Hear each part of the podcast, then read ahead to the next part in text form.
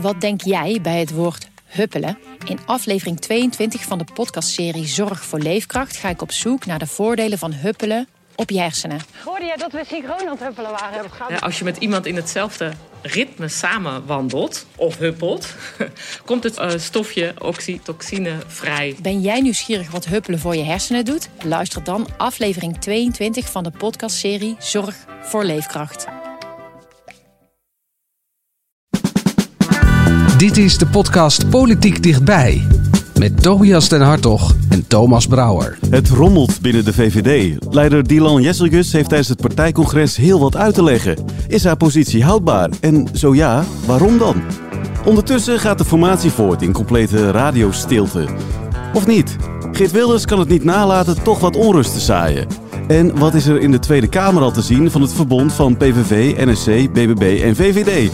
Dat en meer bespreek ik met Tobias van Hartog en Hans van Soest. Ja Hans, vorige week was jij helemaal zen, relaxed, gelukkig, optimistisch. Is daar nu nog uh, wat van over? Jazeker. En dat komt denk ik ook wel, uh, Thomas, door het werk wat we doen. En de periode waarin we dat doen, dat zal ik heel even uitleggen. Kijk, als verslaggever in de Tweede Kamer is het normaal gesproken altijd echt heel druk, heel hectisch. Er gebeurt altijd van alles. Er zijn belangrijke debatten of er is weer een of andere crisis.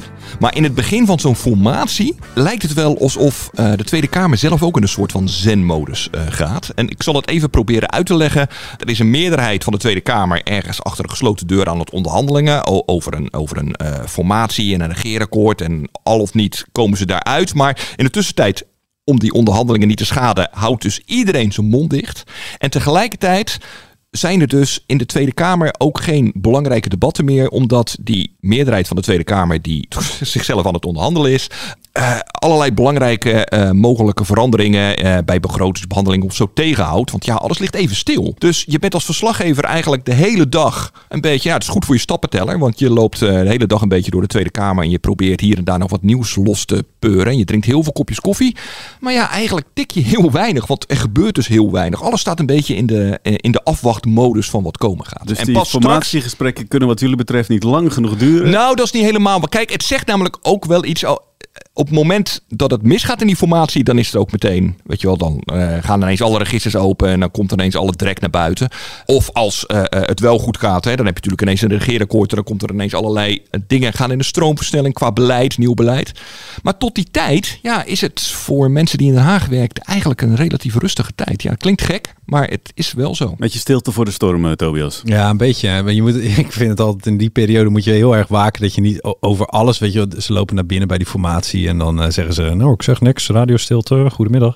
En dan, dan moet je oppassen dat je niet naar, naar uh, te veel gaat Kremlin watchen en denken van, oh, hij heeft vandaag een rode das, betekent dat hij in de aanval gaat, bij wijze van spreken. Maar je gaat heel, ieder woord ga je op een goudschaaltje wegen. En uh, dat slaat vaak helemaal nergens op. Dus je moet in al die tijd die je over hebt, moet je jezelf vooral niet uh, al te gek maken over met inlegkunde over wat dit zou kunnen betekenen voor zus of zo enzovoort. Je moet maar gewoon ja, wachten en uh, proberen wat los te peuteren, maar dat valt niet mee. Ja, is er qua dat nog iets bij jou opgevallen deze week? nou, wat, wat me week in week uit opvalt, is dat Ronald Plasterk heel graag voor die camera's even nog langs trekt. Die blijkt altijd als langs te staan. ja, dat is... ja die, vindt, die pakt zijn airtime ja. gewoon. Daar, daar, daar kan ik wel van genieten. Wij ja. moeten daar vooral niet mee ophouden. Uh, maar deze week waren de, was de radiostilte uh, wel echt heel erg uh, eerbiedig. Het was echt heel erg stil. Dus met uitzondering van Wilders, maar daar komen we zo nog op. Hè? Ja, gaan we het straks uitgebreid over hebben, want er was meer nieuws deze week. Het eerlijk verdelen van asielzoekers, daar zou de spreidingswet bij moeten helpen. De Eerste Kamer stemde er vandaag over. De wet werd aangenomen met 43 stemmen voor en 27 tegen. Dit betekent dat het wetsvoorstel is aanvaard. Staatssecretaris Van de Burg, is het door, de wet? Ja, dat klopt. Ik zag een vrij rustige reactie. Ja, het ligt gevoelig. Dat merk je ook in de, de uitslag uh, in de Eerste Kamer. Dat hebben we natuurlijk ook de afgelopen weken gezien. Dus uh, dan past ook gewoon een rustige reactie.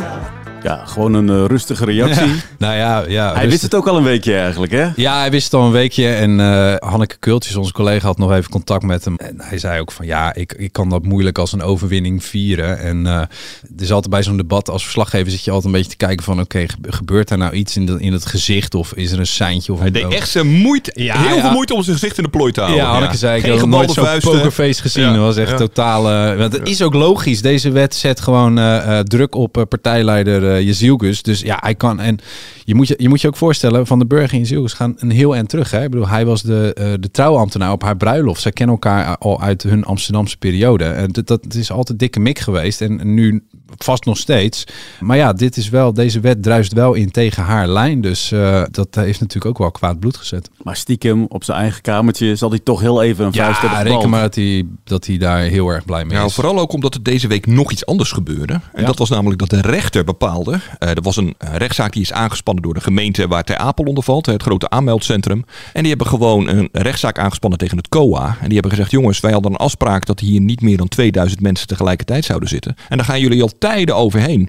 En de rechter heeft eh, de gemeente in het gelijk gesteld. Dus het COA mag nu op last van de rechter niet meer dan 2000 mensen in Ter Apel onderbrengen. Ja, en dat is dus nu al een probleem. Dus de problemen van, eh, van de burg en het COA zijn deze week eigenlijk alleen nog maar groter geworden. Die spreidingswet is er nu doorheen. Wanneer is die dan van kracht? Eh, februari wordt hij dan eh, formeel van kracht, is het plan. En dan eh, ergens, nou ja, dan moet je dus eh, dan, dan ver, ver, ver, ver, ver in de toekomst. Dan hebben we het nog niet eens over het najaar, maar misschien zelfs het begin van volgend jaar. Dan ga je een keertje aan, eh, aan die eventuele dwang toekomen. Nou, Want eerst is er een soort indexering van wat zou kunnen. Het gros gaat gewoon, oh, in die wet gaat over, jongens, overleg met elkaar. eh, ver- verdeel het over de provincies. Provincies gaan in gesprek met gemeenten. En kom dan nog weer eens terug bij het Rijk als de, eh, als de provincies er niet uitkomen. Dus er gaat, dat, daar zit nog wel heel veel eh, plooibaarheid in die wet hoor. Erik van den Burg kan in ieder geval aan de bak. De VVD'er die kan zich eerst nog opmaken voor het partijcongres van morgen. Toen dat eh, VVD-congres gepland werd, was het de bedoeling dat het over de komende Europese verkiezingen zou gaan. Die zijn dit jaar, je zou het bijna vergeten. Maar nu staat vooral één punt op de agenda. Dat is het leiderschap van Jesse Gus. Ja, zeker. Ja, we hebben deze week flink rondgebeld in de VVD. Veel VVD'ers aangesproken.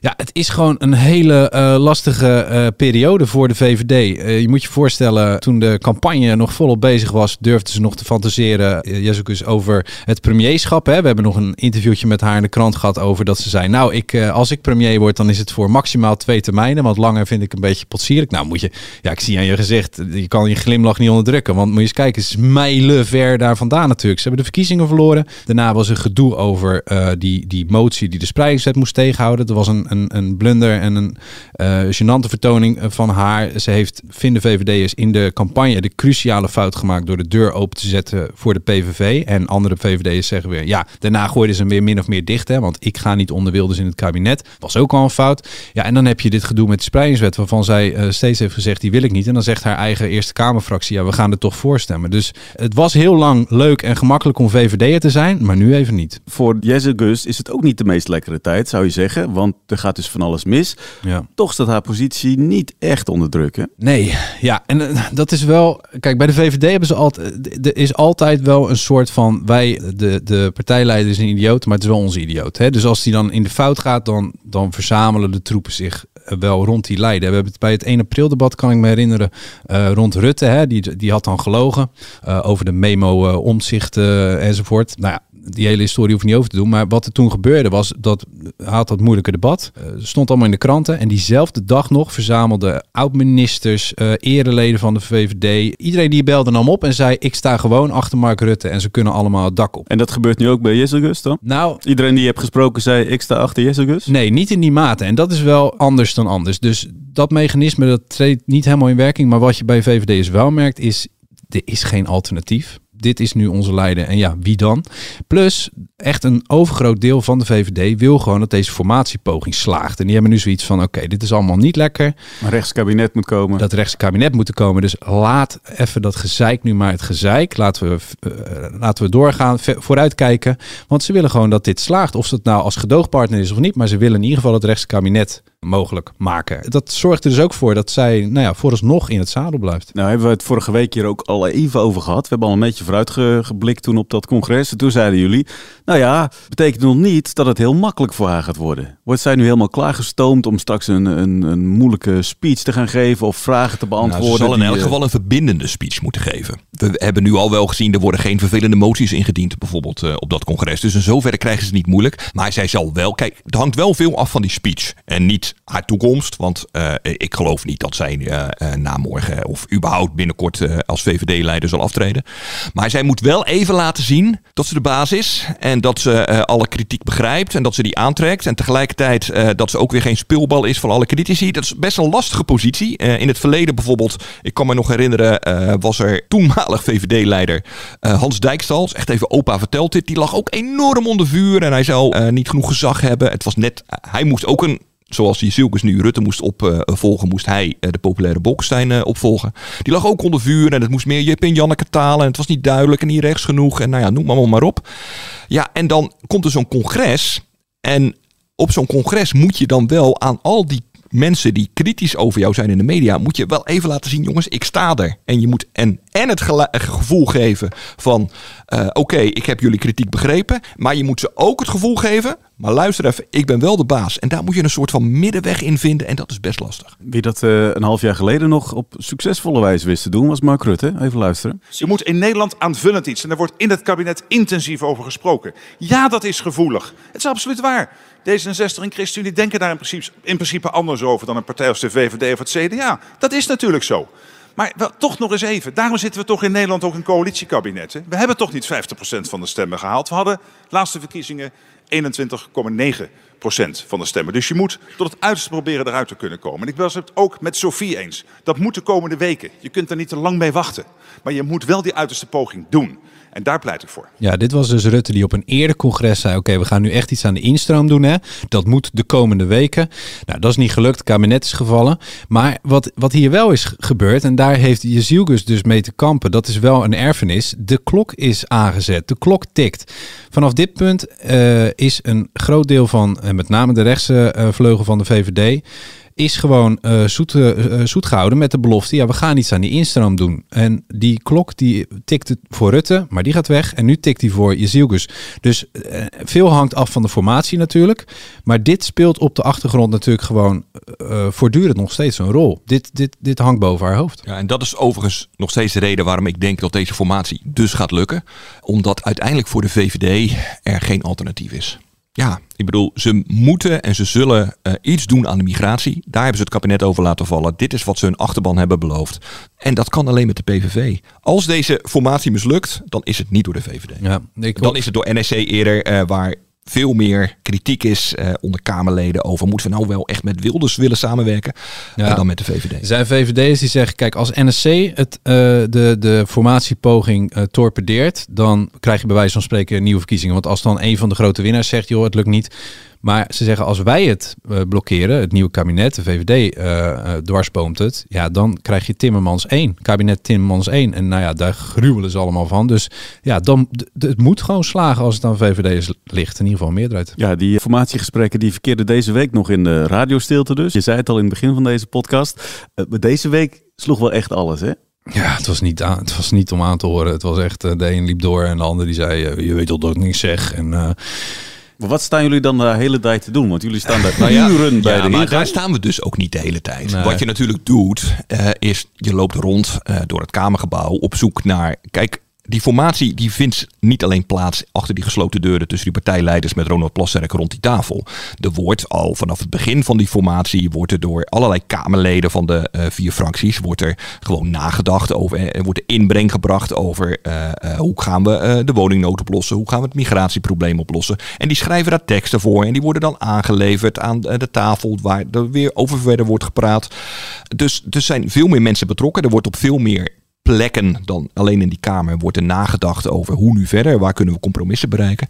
En ja, en je probeert als verslaggever natuurlijk daar eh, eh, je nieuws vandaan te halen. En zo heel af en toe eh, eh, krijg je wel eens een half woord te horen waar je dan conclusies uit kunt trekken. Eh, zo was er, is er iemand geweest, in elk geval niet bij ons, maar bij de Telegraaf deze week, die heeft gezegd van nou, bij de BBB stellen ze wel hele domme vragen als het om financiële dingen gaat, want daar hebben ze geen kaas van gegeten. Nou ja, dat is dan meteen weer een ding, want dat is het enige wat je hoort. Maar dat is wat je doet. Je loopt je, moet je nieuws over wat er gebeurt in die formatie proberen buiten die kamer vandaan te halen. Lukte niet helemaal, Tobias. Nee, niet helemaal. Kijk, er zijn altijd van die kleine dingen. Ik sprak bijvoorbeeld gisteren een ambtenaar van het eh, ministerie van Justitie. Die zei van, joh, eh, eh, het gaat heel veel om migratie natuurlijk bij die onderhandeling.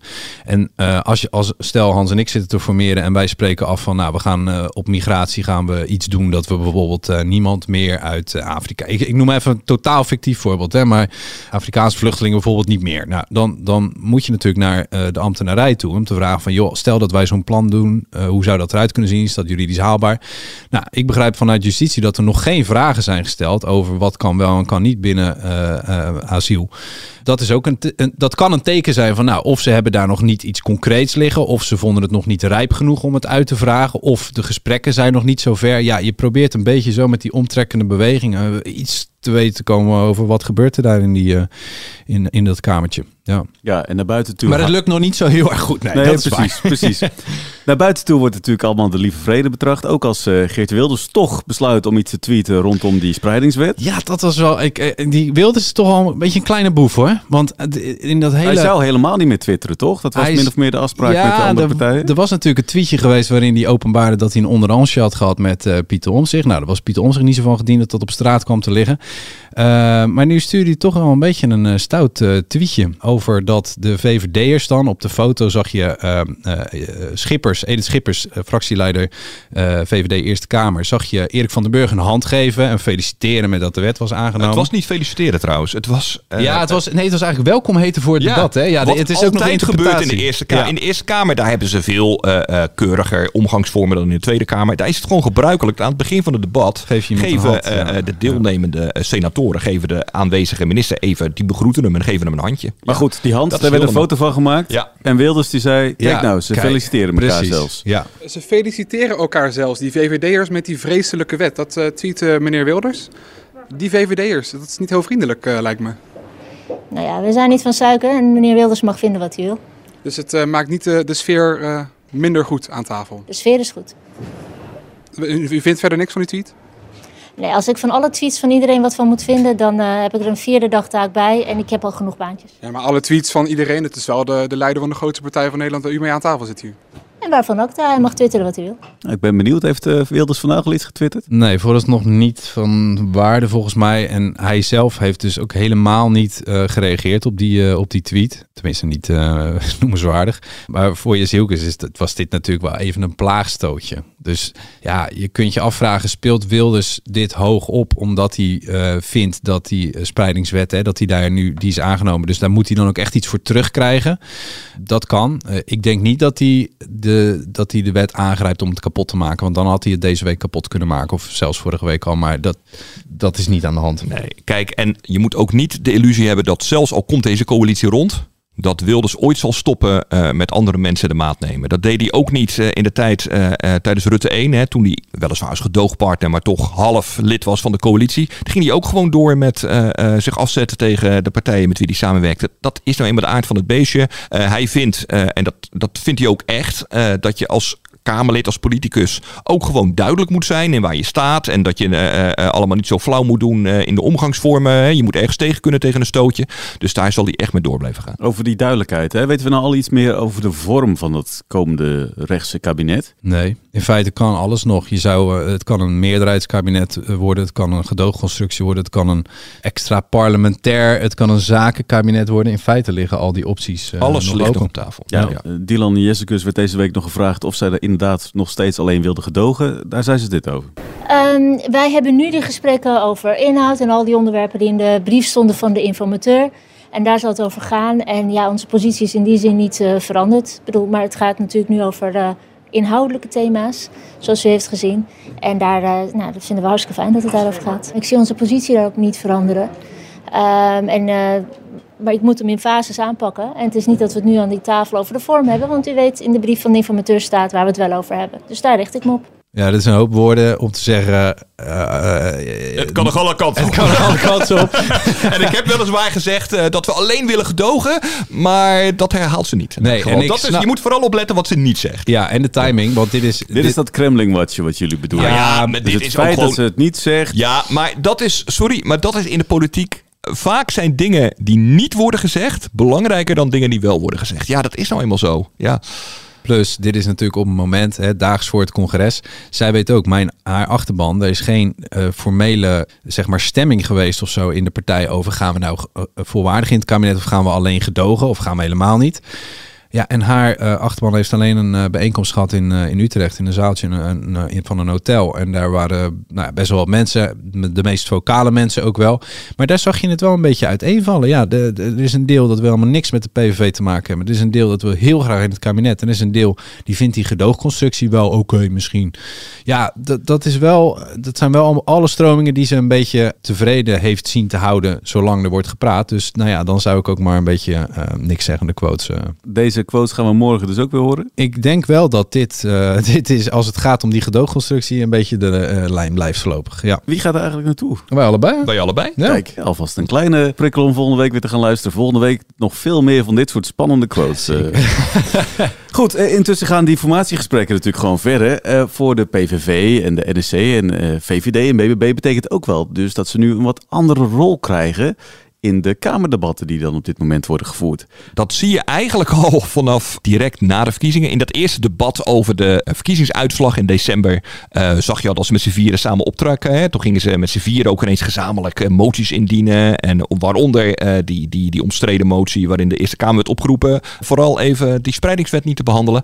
Dus Natuurlijk, er is al op allerlei niveaus overleg. En al dat theater van nee, we zijn eerst alleen over grondwettelijkheden aan het eh, onderhandelen. En kijken of er überhaupt wel basis is om met elkaar te praten. Dat is natuurlijk onzin. Ze zijn al vanaf december ook inhoudelijk met elkaar aan het overleggen. En dat zie je onder andere in allerlei debatten. Want wat is er onder andere afgesproken? Eh, al meteen aan het begin van die formatie. Oké jongens, we gaan met elkaar onderhandelen. We weten niet of we er samen uitkomen. Maar laten we die onderhandelingen in elk geval op één punt niet ingewikkelder maken. En dat is door nu alvast eh, tijdens die onderhandelingen eh, mee te gaan in allerlei wensen van de oppositiepartijen, van andere partijen, die geld kosten. En waarom is dat? Het komend kabinet zal zuiniger aan moeten doen. Dat weten we. Eh, volgens ambtenaren moet het om zo'n 17 miljard euro per jaar moeten minder worden uitgegeven of meer worden aan belasting worden opgebracht. Maar net hoe je dat wil invullen, dat gat.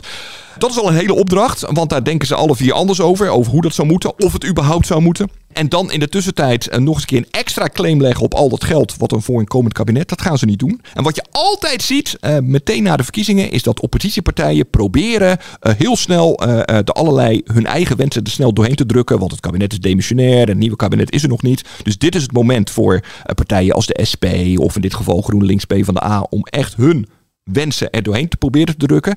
Ja, en dan moet je met z'n vieren wel even afspreken. Jongens, dat gaan we dus even niet doen. Want dan komen we mogelijk, als we er wel uitkomen met z'n vieren, eh, eh, in de problemen straks. Ik heb hier een motie eh, om het eigen risico af te schaffen. Ik heb uw naam er alvast onder gezet. En ik heb nog een motie, daar staat uw naam ook onder. Eh verzoekt de regering om de mondzorg op te nemen in het basispakket. Zal ik uw naam eronder zetten of moet ik hem even wegstrepen? Ja, allereerst, eh, het, het, twee van de partijen die op dit moment aan, aan het praten zijn in de informatie, zijn er niet voor. NSC is tegen, VVD is tegen. Dus ik heb een grote taak daar liggen. En ik kan niet op de zaken vooruitlopen. Ik kan u alleen maar zeggen wat mijn inzet is. Mijn vraag is, zowel voor mondzorg als voor het eigen risico, moet ik uw naam eronder laten of moet ik hem wegstrepen? Meneer Gewoon een Dijk, concreet antwoord. U heeft hier keihard campagne opgevoerd, constant, jarenlang. Dus gaat u het doen, ja of nee? Wat is, wat is dit nou voor rare interruptie, voorzitter? Wat rare agressiviteit. Ja, raar, raar. Nou ja, PVV deed in het verleden altijd precies hetzelfde natuurlijk. Want, eh, oh, oh, oh. Ja, dit oh. was Fleur Agema, hè, van de PVV, die hoorde. ja. En, en Jimmy Eh, Dijk van... eh, het is natuurlijk SP. allemaal één groot theater. Want ik begrijp best dat de oppositiepartijen hier een beetje zitten te prikken. En ik snap ook dat Fleur Agema zei: jongen, doe even normaal. we moeten onderhandelen. Dat je snapt toch wel dat we nu even geen. Ja, maar dit is dus wel even een omkering van de werkelijkheid. Want toen de PVV in de rol van Jimmy Dijk stond, dus aan die kant van de microfoon, toen zou ze deze hetzelfde in het verleden. En dit is altijd zo. En het is natuurlijk wel pijnlijk. Want juist op dit punt, uh, afschaffing risico. eh, van het eigen risico, daarvan zei eh, eh, Geert Wilders in de, eh, in de campagne, nou die maakt er nog een punt. Het moest nu en onmiddellijk. Mensen konden niet wachten. Die mevrouw die heeft, kan 385 euro niet betalen. En u zegt, laten we even wachten. U kan wachten met dat geld. Mevrouw kan niet wachten. Mevrouw moet nu het geld hebben. Ik zeg en dat, en dat, nee, ik was nog niet klaar. En dat, en dat de leider van de sociaal-democratie niet zegt... "Me- mevrouw, we gaan nu morgen dat eigen risico afschaffen... is een schande. Ja, nou, een schande. Ja, je kunt natuurlijk net zo goed zeggen... het is een enorme schande dat de leider van de grootste partij... eh, die het nu kan regelen met eh, de linkse eh, partij in de Tweede Kamer... het niet nu doet. Maar ja, dat is nou eenmaal de afspraak in de formatie. Ja, en daar gaan we nog veel meer van zien. Dus ja, zeker. week. Nou ja, voortdurend hè. Want bij datzelfde debat bijvoorbeeld moest de BBB ook met de billen bloot. Want die hebben voor de verkiezingen een enorme grote mond eh, over een eh, voorgenomen bezuiniging op de ouderenzorg. Die moest van tafel.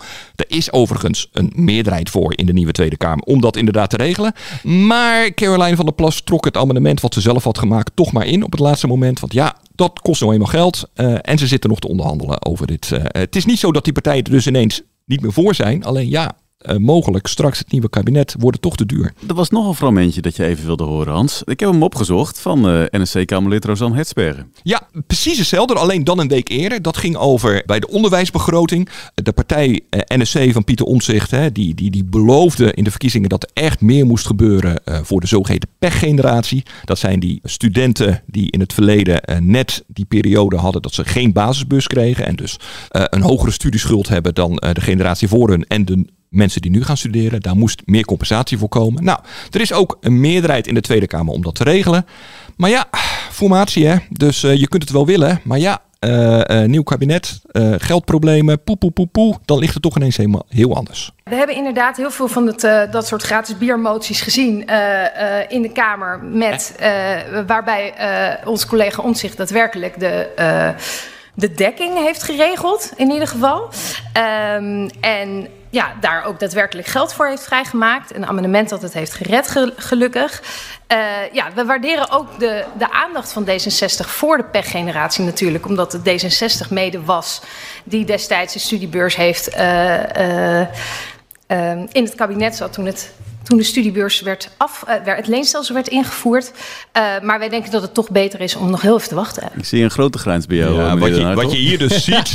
Sorry, ik, ik neem heel even. Dan mag jij, Tobias. Wat je dus echt hier ziet, is. eh, dit is hoe politiek werkt. Dus eh, het is altijd heel makkelijk roepen. als je geen verantwoordelijkheid hoeft te dragen. voor eh, het kabinetsbeleid, voor het regeringsbeleid en voor de overheidsfinanciën. Maar op het moment dat je dus zelf aan die tafel zit. en je mogelijk straks zelf daar verantwoordelijkheid voor neemt. dan heb je heel veel woorden nodig om te zeggen. Ja, misschien kunnen al die dingen die ik in de verkiezingscampagne eh, heb beloofd. toch wel niet. Dat is eigenlijk het op neerkomt. Ja, dan ga je dus heel veel eh, eh, eh, zeggen. En dan zeggen ze over een paar jaar, ja, toen je het kon regelen, regelde je het niet. Het is ook wel een soort herhaling van zetten, ongelooflijk. En dan, dan uiteindelijk zeggen ze, ja, toen u aan de knoppen zat, heeft u niks gedaan.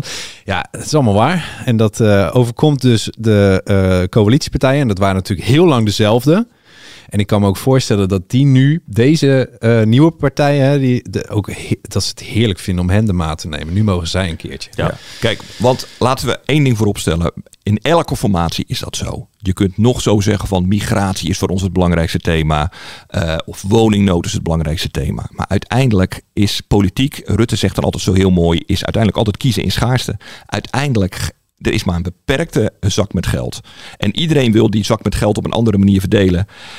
En meer geld is er niet. Ja, en, en- en dus je moet altijd, eh, je kunt eh, altijd nog zoveel beloftes doen aan de kiezer. Maar uiteindelijk er is maar een beperkte zak met geld. En wat natuurlijk zich extra wreekt, deze formatie, is dat de drie van die vier onderhandelende partijen allerlei beloftes hebben kunnen doen in een verkiezingsprogramma zonder dat ze dat even netjes hebben laten narekenen door het CPB of het überhaupt wel haalbaar is. Dus ja, eh, er moeten een aantal partijen echt met de billen bloot. Weet je wie daar ook van baalt? Pieter Omtzigt. Het was namelijk bij een van die vele niks, niks zeggende eh, inloopjes. En toen zette iedereen zijn camera alweer uit. Want het had helemaal niks met die formatie van doen. Maar toen werd hem gevraagd van... joh, duurt dit nou niet al een beetje te lang? En toen zei hij van ja, kijk, het is, het is niet, we wonen niet in Engeland. Hè? Daar heb je gewoon eh, één partij takes all. En die, die kan een regering vormen. En binnen een paar dagen heb je een regering en een regeringsplan. En nu moet je schipperen en je moet eh, ehm, eh, onderhandelen en een beetje water bij de wijn doen. En niemand krijgt precies zijn zin. En dat hij daar zo over stond te filosoferen, zo een beetje aan de rand van de camera's. Toen dacht ik, ja, zie je de, de, de vermoeidheid over je moet compromissen sluiten. En je moet misschien ook af en toe een, eh, eh, iets, iets laten wat je toch heel graag had gewild. Ja, begint toch ook al een beetje vat te krijgen op, eh, op Pieter Omzicht. Wilde jij het ook nog even hebben over kentekenplaten? nou ja, even, dat is dus een mooi voorbeeld over hoe ze met z'n vieren optrekken al wel. Want er wordt al heel veel inhoudelijk overlegd. En dan komt er zo'n... We hebben het over gratis biermotie. Nou, dit is dus een gratis biermotie, want dat is, eh, klinkt lekker, eh, eh, maar het kost helemaal niks. Maar leg- dat leg dat het uit, ze opriepen, ze riepen met z'n vieren dus het, demissionaire kabinet op om te onderzoeken of het in Nederland, net zoals in België, kun je namelijk al, als je dat wil, tegen betaling, je eigen kentekenplaat. Met je naam of ja, zo. dus daar kun je, weet ik veel, als je fan bent van K3, kun je K3 op je kentekenplaat zetten. Of je kunt er een woord op zetten. Je ziet wel eens van die Belgische wagens voorbij rijden met eh zoef erop of zo. Nou, heel grappig. Dat moet in Nederland ook. Nou, klinkt allemaal heel leuk. Daar kunnen ze het dus wel over een, eens worden. En eh, daar wordt dan een motie over ingediend. Maar ja, dat kost dan ook geen geld. De Kenplatencoalitie De is geboren. Kentekenplatencoalitie. Oké, we hebben onze kop van de, van de podcast te pakken. Als we dan kijken naar volgende week, eh, jongens. Ik denk dus dat je meer van dit soort eh, botsingen gaat krijgen. Dus eh, Hans, je veug je erop. Hou je camera en je, je audio-opnameapparaat paraat. Want je, je krijgt de komende tijd heel veel begrotingsbehandelingen. Eh, dus het gaat heel vaak over geld en over wat we het komende jaar kunnen gaan besteden en aan wat. En dus gaan die, die partijen nog heel vaak de maat genomen worden over al die verkiezingsbeloften die ze hebben gedaan. En die ze nu, niet nu direct gaan waarmaken. Volgende week natuurlijk ook veel meer eh, in deze podcast over dat eh, VVD-congres waar jullie zo morgen samen naartoe gaan. Zeker, zeker. Witte ballen en bier, hè? Eh, vroeger wel en nu is het een beetje spanning en, en groenteburgers. Ook Dus lekker. verandert- Ook tijden veranderen bij de VVD. Tot zover deze aflevering. Vind je dit nou een leuke podcast? Abonneer je dan. Dat kan via Spotify of Apple Podcast. En volgende week dan zijn we er dus weer. Tot dan.